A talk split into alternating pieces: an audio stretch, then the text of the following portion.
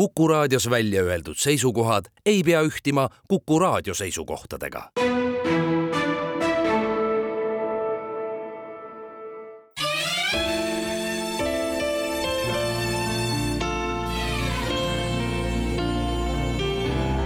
nädala raamat.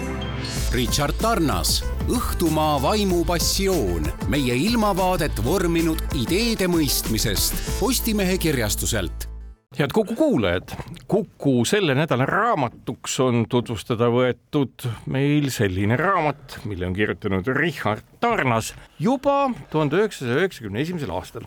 sedapuhku on see esimest korda siis eesti keelde tõlgitud ja seda on teinud Tanel Pern ja Postimehe kirjastuses sel aastal ka välja antud, kuna selle väljaandmisega on seotud selline asutus nagu Edmund Burke'i selts asutus.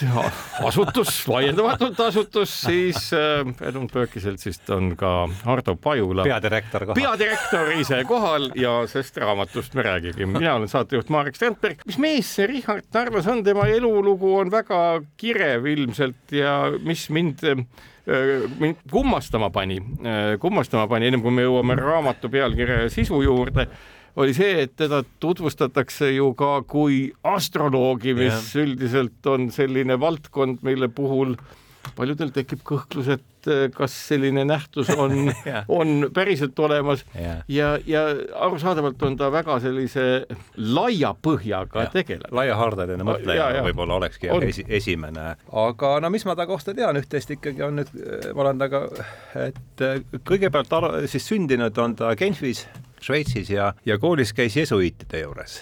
Äh, see on minu meelest oluline, et nende, nende haridus on teistmoodi kui ma ei tea, mismoodi küll teistmoodi, aga noh, mulle tundub, et see on oluline. siis edasi Harvard, Harvard kuuekümnendatel, kui oli kogu see psühhedeelikumide asi oli legaalne, ta minu meelest doktoritöö oli, oli LSD teraapiast ja siis noh, ta sattus muidugi sellesse, sellesse koridori, kus, äh, mis läks päeva, meie päevauudistes lahku. ta on siis isik töötanud koos äh, pikaaegselt Stanislav Grofi, Stanislav Grofiga koos töötanud. mina kujutan endale asja nii laias laastus niimoodi ette, et psühholoogia jaguneb kaheks, on niisugune joonlauapsühholoogia või kartesiaanlik psühholoogia, mida õpetatakse meil siis ülikoolides praegu valdavalt ja on siis mittekartesiaanlik süvapsühholoogia, mis jaguneb kaheks omakorda. veel kord, see on minu klassifikatsioon ja ei, kedagi teist ei kohusta millekski, eks, aga aga ma niimoodi saan ja, ja see omakorda siis süvapsühholoogia või mittekartesiaanlik psühholoogia jaguneb kaheks, üks on James Hillmani arhetüüpiline psühholoogia, teine Stanislav Grofi äh, siis äh, transpersonaalne psühholoogia ja ta on olnud mõlema, noh, sisuliselt mõlema, mõlema, mõlema nende sõber siis. ma saan aru, et kogu see psühhedeelikumide pool, et see see haakub ka sellega, äh, tõlgendades siis psühhedeelikumidega tekitatud tajusid ja, ja. olukordi kui eraldi märgisüsteemi mm, -hmm. mitte teisenenud märgisüsteemi, vaid täiesti eraldi märgisüsteemi, kus siis asjad ka sünnivad jah, ma äh, täiesti selgelt on, ta on ise ühes intervjuus öelnud, et, et psühhedeelikumide rolli tema selles no see raamat ja kogu ta looming on kirjutatud teise taju, ka, seesama astroloogia, eks.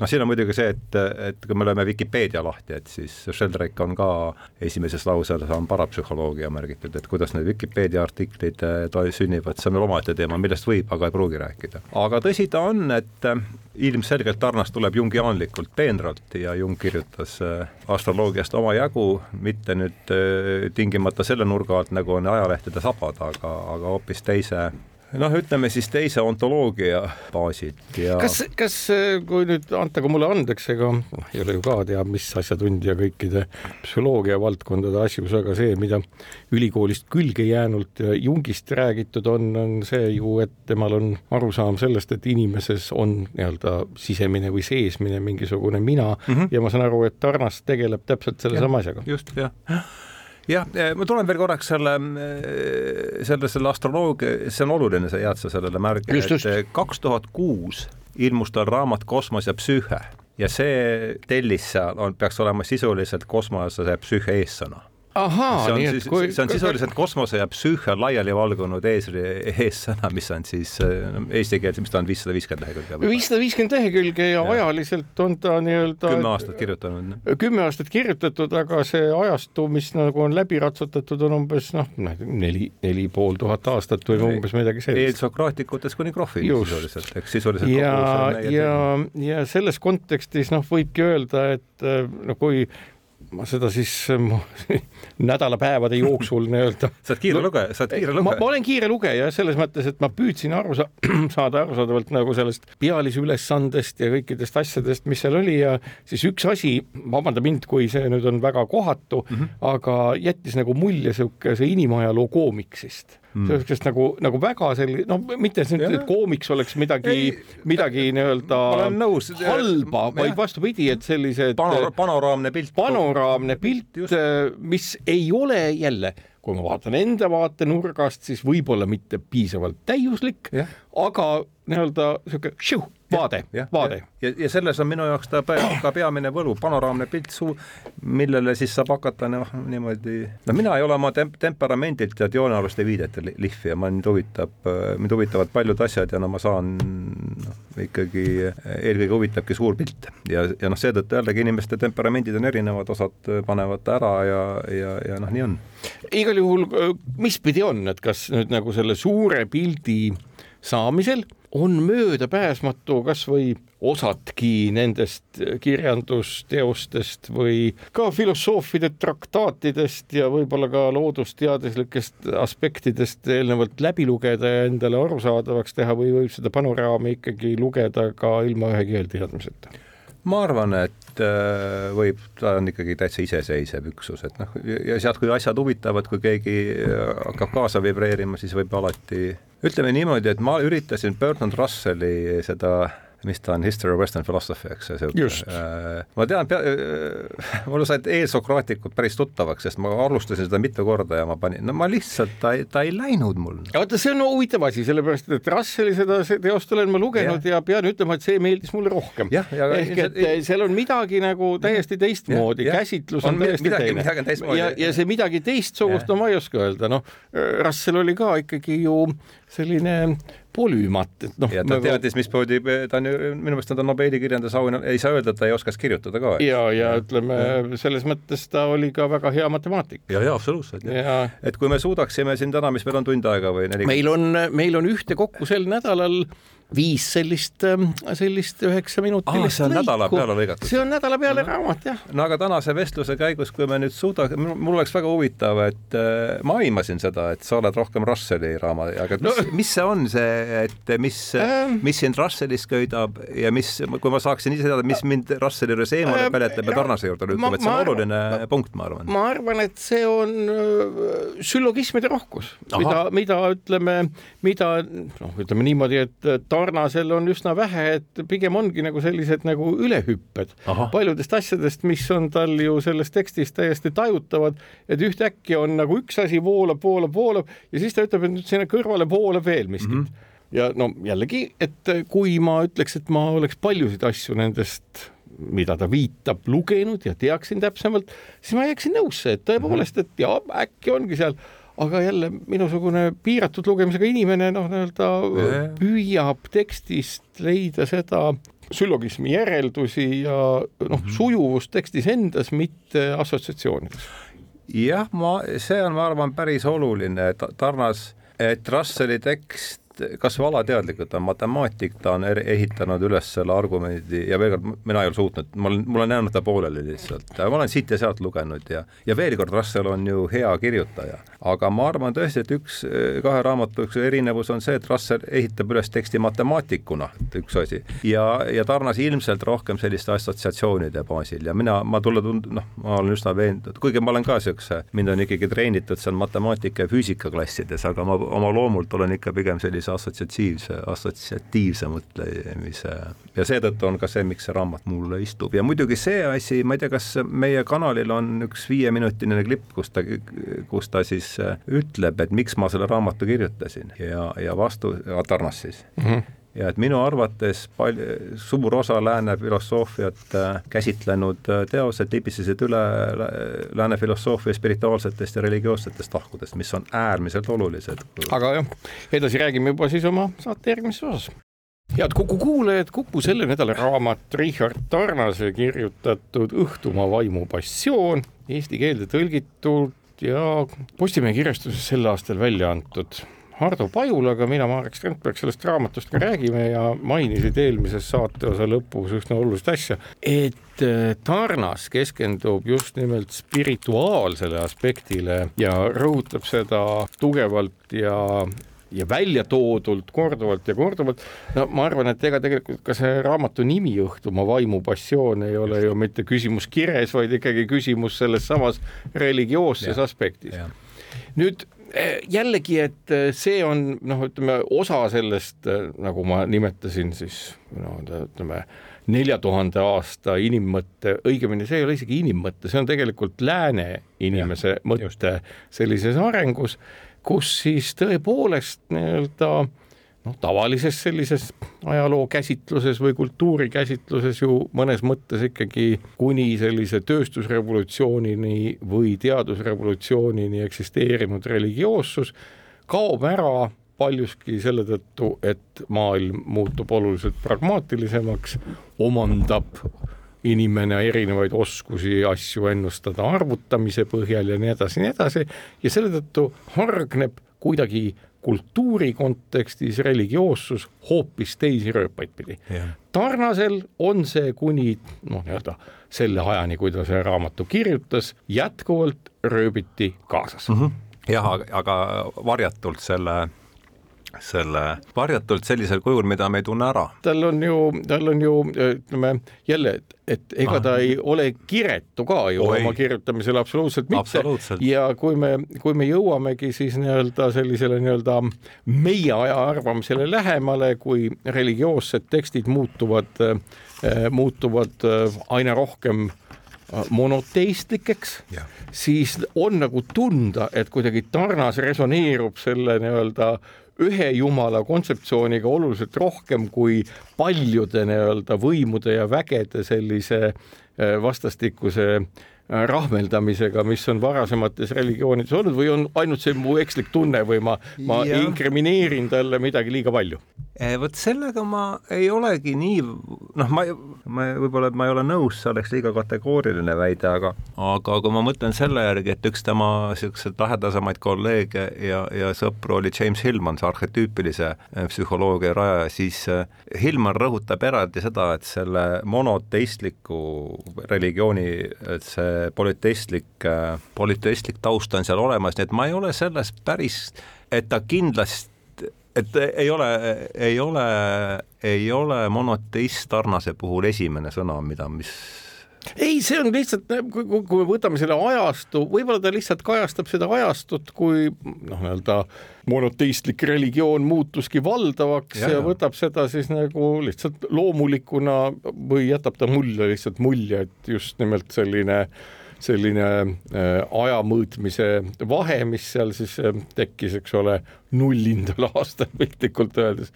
et pärast seda on ta kuidagi nagu no kuidas ma ütlen, nagu rohkem vaimustunud asjadest ja see, mida me temalt ju üldse ei loe, on see, mida me peame ju enda pärisosaks, teatavat sellist äh, põlisrahvaste ja muud kultuuri, et sellest ta lendab üsna sujuvalt üle. põlisrahvastest ta tõepoolest ei ja ei saa öelda, et tol ajal seda olemas ei olnud, et kui ja. sa nagu kirjeldasid tema vaimustust psühhedeelikumidest ja nii edasi, siis ega ju lääne antropoloogid, ma mõtlen just selle peale, lääne antropoloogid väga usinalt tollel perioodil, viiekümnendad, kuuekümnendad ju tegelesid just nimelt äh, põlisrahvast sellelaadse kultuuri sügavama uurimisega ja hämmastaval äh. moel ei ole jätnud seda alla ühtegi jälge. Äh, siiski ma, ka sellega ma ei ole päris nõus, sest et vaata, Krohvist ta räägib ta päris palju seal, eks.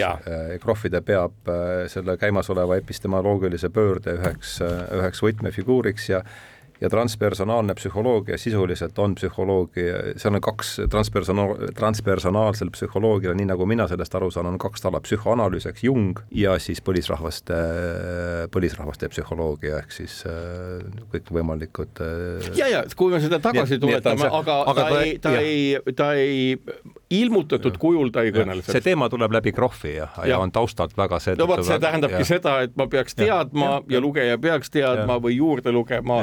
Minu jaoks ta autorina Krohv on äh, vähetuntud, eks ma, nime olen kuulnud, aga nii-öelda rohkemat mitte. no eesti keeles on Krohv esindatud minu viis raamatut, kus minu meelest, kui sünnib ilmvõimatu tulevikupsühholoogia, kosmiline mäng, holotroopne hingamine esimese hooga ei tule rohkem. ja, ja ükski ei ole minu raamaturiiule sattunud. no nad on kõik väljaspool noh, päeva, seitsmestes uudistes ei räägita üheski nendest. ja seal ei räägita kõik, väga palju. kõik on para, kõik on, mis see on, see pseudoteadlane, mina olen sellest, kuidas ma, kuidas must pseudoteadlane sai, olen ma kirjutanud isegi ühe juht, juhtkirja ja ega inimese taju ju ongi selline, et ega me ju ei oska öelda, noh, ka see, et kui me küsime nii-öelda selle Tarvase raamatu kohta, et oh, mis me sealt siis kasu saame, tegelikult see on seesama küsimus, et mida me saame kasu koomiksitest, me saame lood. Ja, ja, ja selles nimelt, mõttes nii-öelda Tarnase ja. lood, mis on siis ikka see nelja tuhande aasta lood, et see on üks võimalus, noh, ma ütlen, et inimestel on nagu vaba valik, et kas nad nüüd võtavad Russellit või Tarnast ja, või tõenäoliselt on neid autoreid ju veel, kes on kirjutanud maailma ajaloo kokku. Ja Tarnas on siis selline, kes üks no, hääl teiste seas. ja, ja kõlistab mingisugust sellist intuitiivset kella kusagil ja, kogu aeg. just nimelt, jah millal sina seda esimest korda lugesid? Äh, võin sulle täpselt öelda, kaks tuhat üheksateist andis üks sõber mulle, mul on hästi meeles, see võttis riiulist, see raamat võiks olla huvi pakkuda. siis tal oli veel käsitsi kirjutanud sinna sisse, et uh, to all those that come uh, the may this Tarnase enda käe, käekirjaga oli, may this book help your journey ja, ja see on ma ütlen, see esimene lause haaras mind kohe endasse, kaks esimest lauset, see on siis sissejuhatus, et no loen ette nüüd, jah. jah, et raamat, mille käsitlusobjektiks on õhtumaa vaimu evolutsioon, püstitab erakordseid nõudmisi nii lugejale kui ka autorile, kuna see nõuab meilt sageli radikaalselt teistsuguste vaatepunktide omaksvõtmist. see raamat vajab mõningast intellektuaalset paindlikkust, vastuvõtlikku metafüüsilist kujutlusvõimet, võimet näha maailma läbi teiste ajastute meeste ja naiste silmade. et see äh, ja ikkagi see sisseminek teise vaimulaadi, mida ta siin püüab, ta see, selles, ähm, tal on mingi viieosaline või nelja, nelja-viieosaline loengute sari on äh, Youtube'is sellest samast raamatust. ta räägib, kuidas talle naine küsis, et huvitav, et kellega ma siis täna õhtust söön, et kas Kepleri või, või ehk et ta on ka ise nagu sisse nii sisse elanud ja, ja ja, ja ma saan aru, et noh, mida on ka tunda, et äh, äh, ennem kui me selle osa lõpetame, et see mulje, mis mul jäi, ongi nagu, et erinevas kohas on tal ka natukene, kui ta kirjeldab erinevaid, noh, kuigi ütleme, ühe isiku kohta on ju siin väga vähe, see on mingisugune pool lehekülge no, või lehekülg, eks ole, hästi. neli tuhat, neli tuhat aastat. neli tuhat aastat ja väga palju inimesi, üsna lühikesed, aga ka võib-olla ma eksin, ma ei ole ju teksti analüsaator ega ei tea, aga mulle tundub, et, et kui ma võrdlen nii-öelda tekste, käsitlust erinevates kohtades, siis see muutub natukene.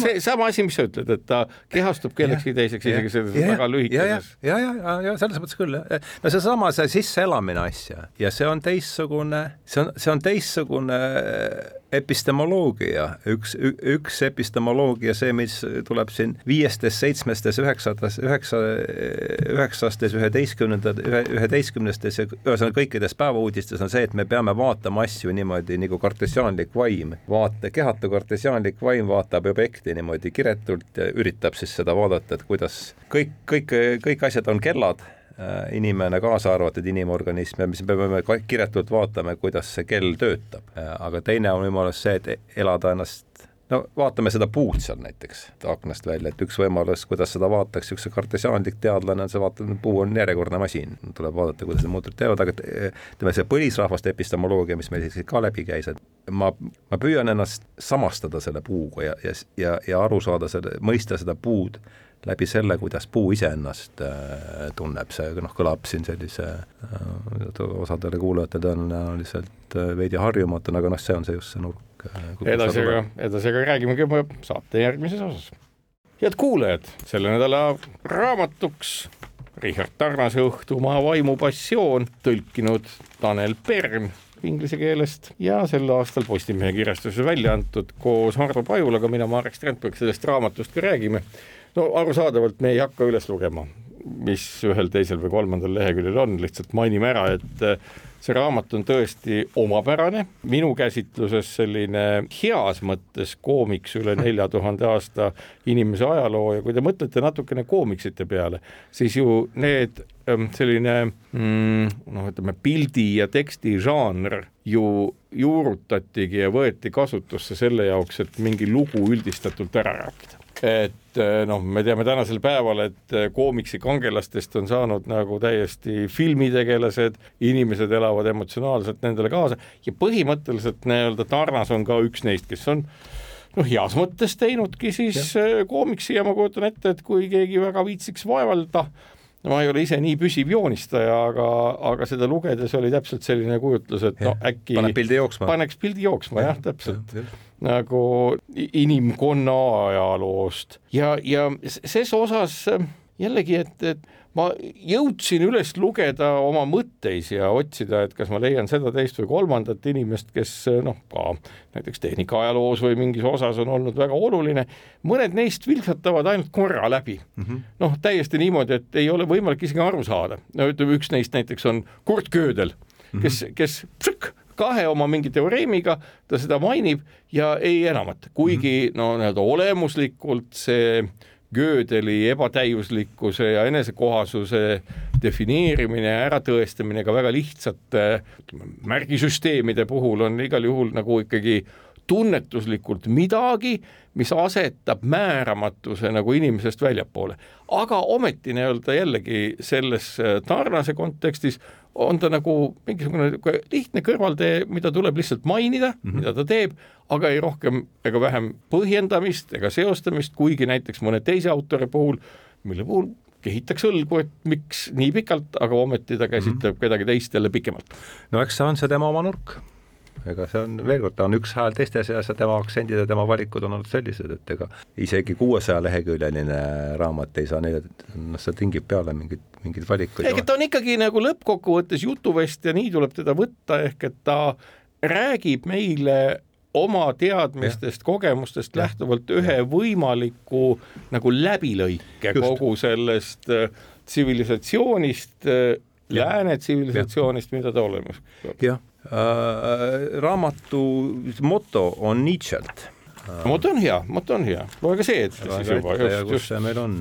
alguses kohe. maailm on sügav nagu kaev ja sügavam kui päeva arvamine Äh, jah, nõnda kõneles Zarathustrast, aga mul tuli hoopis teine Nietzsche tsitaat, äh, ma olen teda palju kuulanud ja ta on tõesti olnud minu jaoks väga-väga oluline autor ja mul on väga-väga hea meel, et see raamat on eesti keeles olemas, see võttis kaua aega. aga üks Nietzsche mõte, mis mul on eriti jäänud tema puhul kõrva, on see, et iga filosoofia on ülestunnistus ja tema tõlgendus sellest on niimoodi, et me kõik vaatame maailma läbi oma filtrite, mis on lapsepõlv, senine elukäik, kohtumised, haridus, temperamenditüüp ja, ja et noh, seetõttu, et, et see iga filosoofia on ülestunnistus, on et need, ühesõnaga, et need valikud, mis ta on teinud, need kõnelevad kõik sellest, mis sorti inimene äh, tema on. täpselt samuti nagu need valikud, mis mis mina teen ja, ja kirjutan, need on ülestunnistus sellest, mis laadi inimene mina olen ja, ja ega sinu puhul, ma arvan, ei ole, ei ole asi teisiti väga. no ma ei ole jõudnud veel oma filosoofiani, ilmselt ei jõua ka, aga aga no eks meil ikkagi on selles no, mõttes mingi maailmapilt meil loomulikult on. see ju maailma... väljendub nendes samades saadete, nendes raamatutes, mis sa üldse valid siia, millest sa rääkima hakkad, eks ole. siin on üks huvitav asi, kui sa mainid seda, siis tõepoolest nagu üks asi haakub ja kunagi aegu tagasi intervjueerisin üht äh, Nobeli äh, laureaati Edmund Fischerit, kes on küllaltki olulisi asju tähele pannud just mis alal tema sai? Äh,? ma loodan, et keemia vallas vist, kui see ei olnud meditsiin, küsimus oli nii-öelda teemas, mis puudutab siis äh, ATP sünteesi ja nende detaile, noh kunagi noorema see on see rakuenergia jõuda, just täpselt ja tema suvatses tuvastada siis ja tõdeda seda, et vaata, et ega tegelikult on niimoodi, et kui me oleme ühe korra näiteks mingisuguse raku bioloogilise kontseptsiooni üles ehitanud ja meil on oma teadmised ja oma faktoloogia ja kõik, mis veel ja meile tundub, et kogu see ainevahetuste ahel on väga täiuslik ja et me teame juba praktiliselt kõike sellest. piisab sellest, kui tuleb keegi ja vaatab veidi teise nurga alt, leiab üles mingid muud asjad ja siis ta ütles, et nagu täiesti võib-olla isegi sellesse eelnevasse kontseptsiooni mitte tõlgitavalt mm -hmm. on üles ehitatav täiesti uus rakubioloogiline käsitlus, mis ja. on tõde ja õige natukene teises mm -hmm. valdkonnas, täiesti toimiv filosoofiatega on vist sama lugu. absoluutselt. no üks autor, kellest ma peaksin rohkem teadma, kui ma tean, aga, aga kes on olnud oluline ja ma siit ja sealt nuusutan, ma tunnistan ausalt, et põhiteost ma ei ole läbi lugenud, see on Toomas Kuhn, tema tuhat üheksasada kuuskümmend kaks ilmunud raamat Teadusrevolutsiooni struktuur, see, mida ta räägib just Fischer rääkis nüüd sellest konkreetsest äh, paradigmast siis raku-uuringutest, see on laiendatav kogu teaduse, kogu teaduse äh, siis äh, käsitlus ja käsitlusaadile lai, laiemalt ja just nimelt Kuhn rõhutab seda, et paradigma või teaduse areng ei ole mingi niisugune noh, väikeste kõrvalhaakidega tee mingi niisuguse lõpliku tõe poole, vaid pigem aeg-ajalt siis kerkivad üles paradigmad ja mis ta eriti rõhutab ja, ja, ja mul on väga hea meel, et sa seda ise ka ütlesid, et erinevad paradigmad on ühismõõdutud. jaa, need ei ole tõlgitavad. just, just ja et..., ja ma ütlengi seda, et nagu selles mõttes, ega Tarnase raamat ei ole ka ju selline, et me saame öelda, ah, et vot Tammsaare on öeldud niimoodi ja Shakespeare on öeldud sama asja, et need on täiesti erinevad asjad, need on täiesti erinevad lood ja, ja. täiesti erinevalt jooksvad lood. jah, just nimelt, et, et see kas ma ei mäleta, kas ma seda noppisin üles või kirjutasin noh, tõenäoliselt sarnase mõjutused on seal selgelt sees, et ütleme, uus, keskaegne ja uusaegne teadus suhtuvad teineteisesse nagu noh, Dante võimalik komöödia ja Tolstoi Sõda ja rahu näiteks, et noh, nad on kaks erinevat kaks erinevat raamatut, noh, kuda-, kusa-, kusagil on see Dante seal Tolstois sees, ta pidi olema sellest, eks ole, et, et see, ma arvan, päris hea võrdlus. aga edasi me räägimegi oma järgmises saate osas head kuulajad, Kuku selle nädala raamat Richard Tarnase Õhtumaa vaimupassioon, tõlkinud Tanel Pern, Postimehe kirjastuses sel aastal välja antud ja Hardo Pajula ja mina, Marek Strandberg, sellest raamatust ka räägime, ega me seda ju ette ei loe. me räägime oma muljeid ja arusaamu, mis meil sellest on. Ja kui nüüd küsida, et kes selle raamatu lugeja on sinu meelest, noh, sina oled, näed, mina olen ka lugenud et äh, kes seda lugeda võiks, kas see on äkki liiga vana, mõttes, et ikkagi vaata veerand sajandit vana, et kas ta täna üldse kõnetab? ei, selles ma, sellepärast ma üldse ei muretse, et no Russell on ju veel vanem ja, ja, ja selles, et see, et noh, eks ikkagi mingi huvi äh, filosoofia vastu ja, ja noh, peaks olema, muidu ma ei kujuta ette. ma arvan, et need, kes kuulavad kui ma nüüd enda mätta otsast räägin, need, kes kuulavad näiteks Tähenduse teejuhti, nendele võiks see kõigile olla huvitav. et kui sa, kui ta seda saadet on juba, mitte et see teistele ei sobi, aga noh, see üks, üks äh, auditoorium on kindlasti see, et kes juba seal raadio ette on jäänud ja kuulama hakanud, noh sellele ma arvan, on see Tarnas, äh, on Tarnas, sobib on väga oluline raamat, ma arvan. kuidas sulle tundub, kas see on nagu näidendite lugemisega, et kui sa ei ole ka väga pikka aega näidendeid lugenud, siis on nagu väga raske hakata näidendit lugema, sellepärast ja. et ta kuidagi ei haaku ja on nagu, et sul on see ketihammasratas, mis on ühtede sammudega ja kett on hoopis teistega. ja minul oli kunagi vist äh, pikka aega, ma ei olnud ühtegi näidendit lugenud ja siis äh, oli äh, näidend, mida lugesin, oli Lehman Brothers. ja, ja, ja. siis ma pean ütlema. käisid teatris ka või äh,? jaa. hea näidend oli äh,? ma käisin, lugesin ennem ja siis läksin teatrisse. super hea näidend äh,. ja selles mõttes seal oli täpselt nagu seesama asi, et noh, teatrisse ma läksingi selle tõttu, et äh, ma adusin seda äh, ei no lõpuks loomulikult, et noh, näidendid ju loetud ka kunagi ja siis nagu lõpuks need hammasrattad ja ketid hakkavad koos käima ja siis sa ei loe enam nagu tavalist raamatut, sa loed nagu näidendit. aga jah, seal on nagu sama lugu, et huvitav, kas sellega võib ka juhtuda vahel niimoodi, et noh, et alustad, alustad, alustad, ei lähe käima ja siis läheb? jah, on, ma arvan, et see võrdlus näidendiga on päris hea, et ega ta ju lihtne lugemine ei ole. no ma ütlen, ta on, on nagu, ta on nagu, ta, sa pead nagu otsa peale saama. jah, ma olen, ma ei ole küll eestikeelset tõlget lugenud, ma, ma tunnistan siit ja sealt, et aga eks ta on. sa pead silmas nüüd Tarvast? jah, seda, seda ma ei ole. no siis ma ei saa küsida, et kuidas tõlge tundub. jah, seda, ma arvan, et on nii palju, kui ma olen teda sirvinud siit ja sealt, on, ei oska ma küll midagi ette heita ja ega see on väga keeruline töö oli, et. ei, ma kujutangi ette, et ja, ega see on ju ette, et alati kindlasti võib ju siin ühe teisega asjaga mitte nõustuda, aga ma arvan, et kokkuvõttes on tõlge väga hea, et aga veel kord, ma ei ole seda ise lugenud, aga küll ma olen seal ikkagi ingliskeelset ikkagi, mul on EBS-is oluliste raamatute kursus ja sisuliselt see oli kaks hooaega oli mul põhiraamatuks, ma teda, nii et ma olen teda põhjalikult läbi töötanud seda ma julgen küll öelda. aga mida üliõpilased ütlevad selle peale, kui nad peavad selle läbi töötama? ega nad ei, seal ei pea keegi midagi tegema mul on selline pigem niisugune lugemisring kui, kui niisugune mis nende reaktsioonid olid?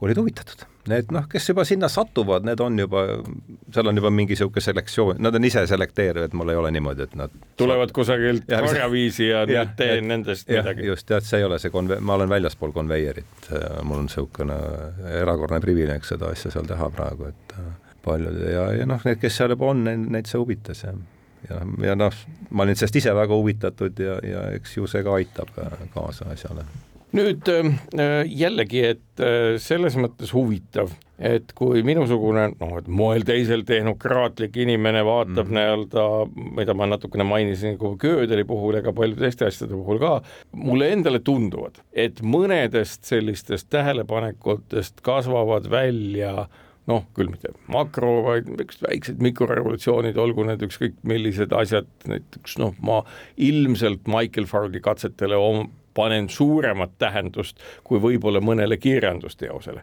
lihtsalt selle mm. tõttu, et nende tagajärg sada aastat hiljem ja kakssada aastat hiljem on ju pöörane kogu nii-öelda meie täiesti teistsuguseks muutunud füüsikaline maailm Tarnase jaoks on see selline tšükk nagu noh, ütleme, et eh, absoluutselt teistpidi.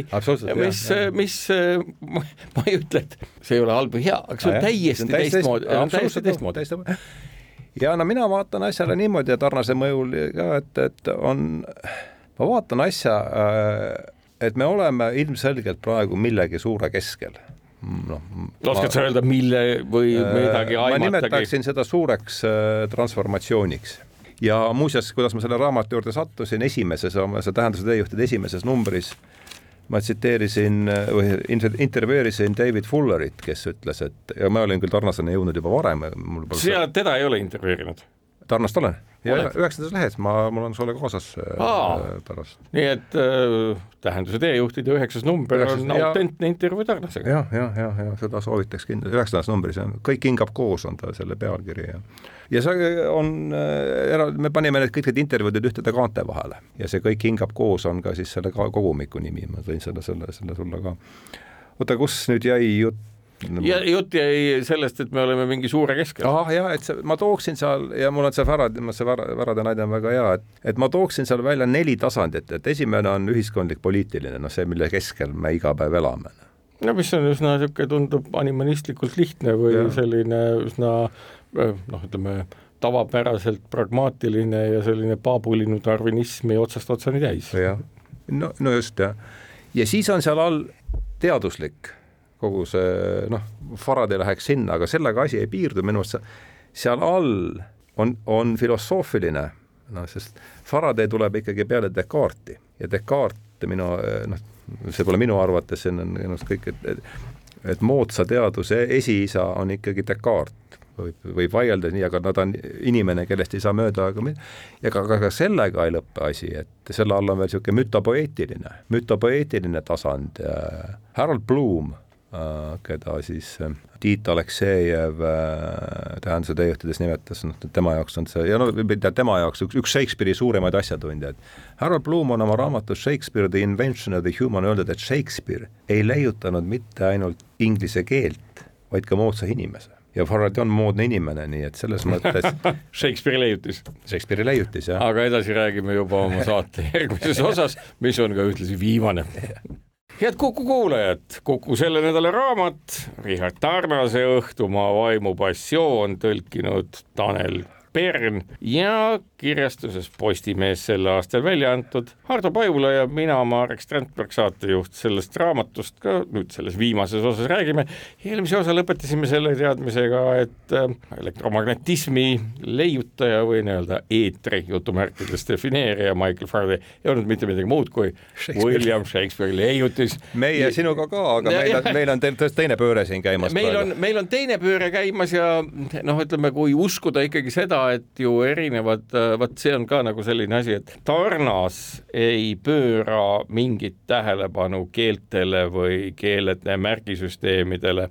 tema jaoks on nagu kõik üks ja seesama mm. -hmm. ja ma just mõtlen seda, kas, kui, kui sa oled rohkem nagu kursis, kas Tarnas on ka no, noh, tajutavalt ei ole ju maailm ainult, eks ole, õhtumaine mm. -hmm. ja, ja seal on tohutult hargnevusi kõikvõimalikke, eks ole, ka see antiikajast peale hakkamine, et no ka ennem seda on olnud ju inimest või hominiide vähemalt, aga inimest ka kindlasti ja mitte ainult kaks tuhat aastat enne meie aega, vaid ma arvan ka kakskümmend tuhat ja kolmkümmend tuhat aastat enne meie aega, kui meil on jälgi näha arheoloogilisi ehk kas või seesama Lõuna-Türgis leitud tohutud megaliitilised linnad, mis olid ju viljakasvatajate eelsed linnad, kus olid kütid ja korilased siis põhimõtteliselt elasid ka linnalist elu, rakendasid oma kultuuri, kunsti ja kirjaoskust ja mida kõike veel. et kas Tarvas ka selle maailma poole on ennast pööranud või ta läheb sujuvalt sellest üle?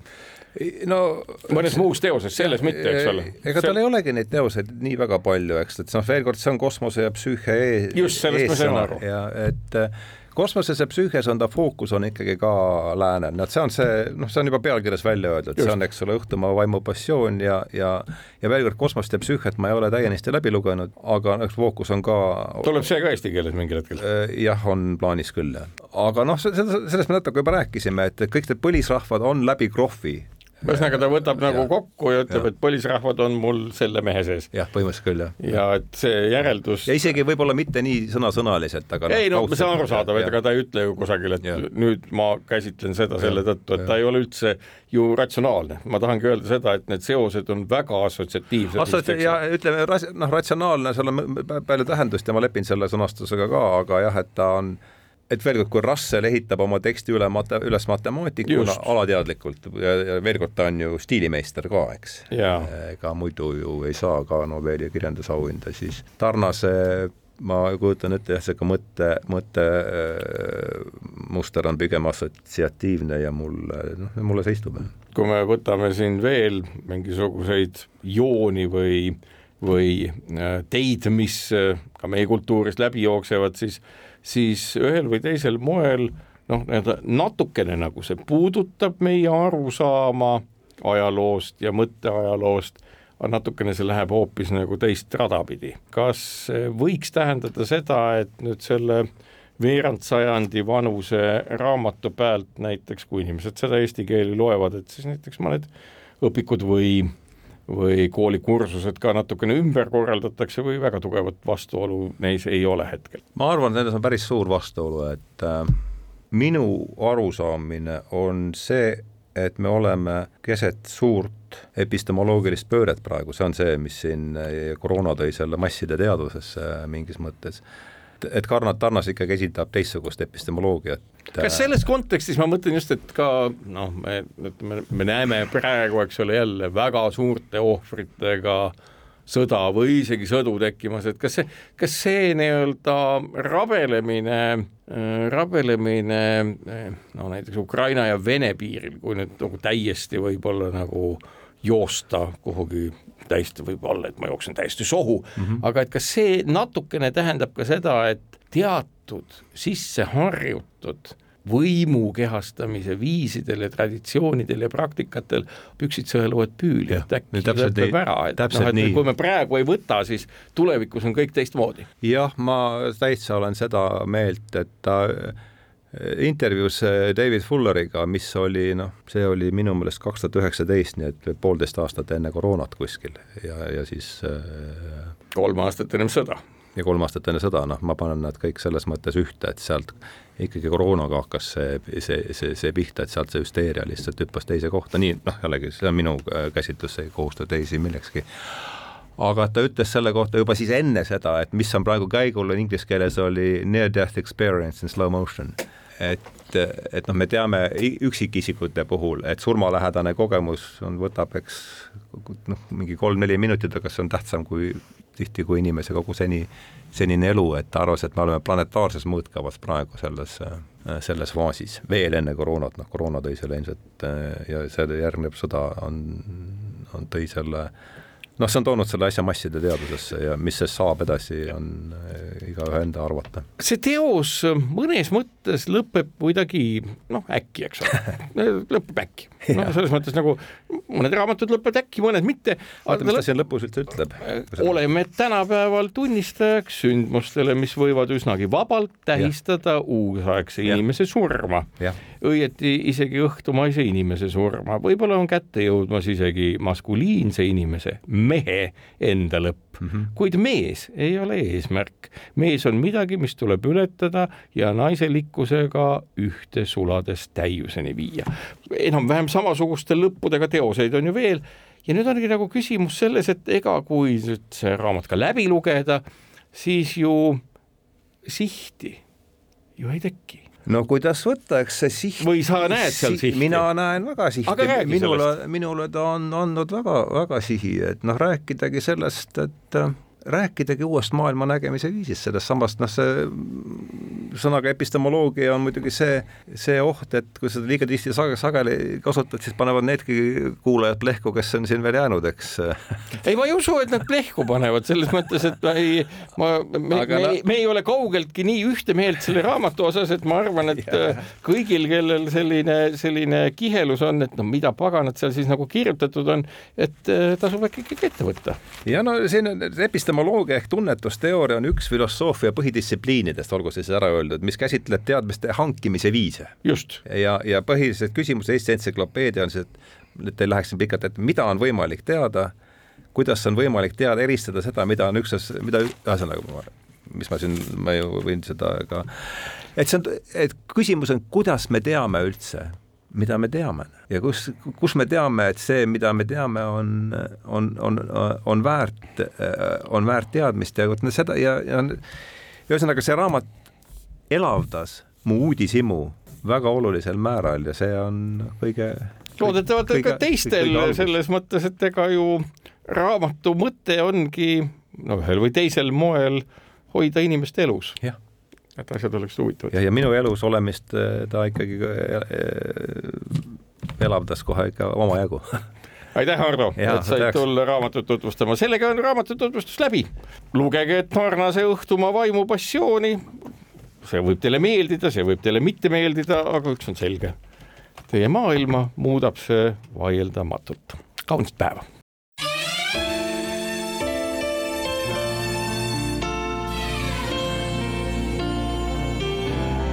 nädala raamat. Richard Tarnas, Õhtumaa vaimupassioon, meie ilmavaadet vorminud ideede mõistmisest Postimehe kirjastuselt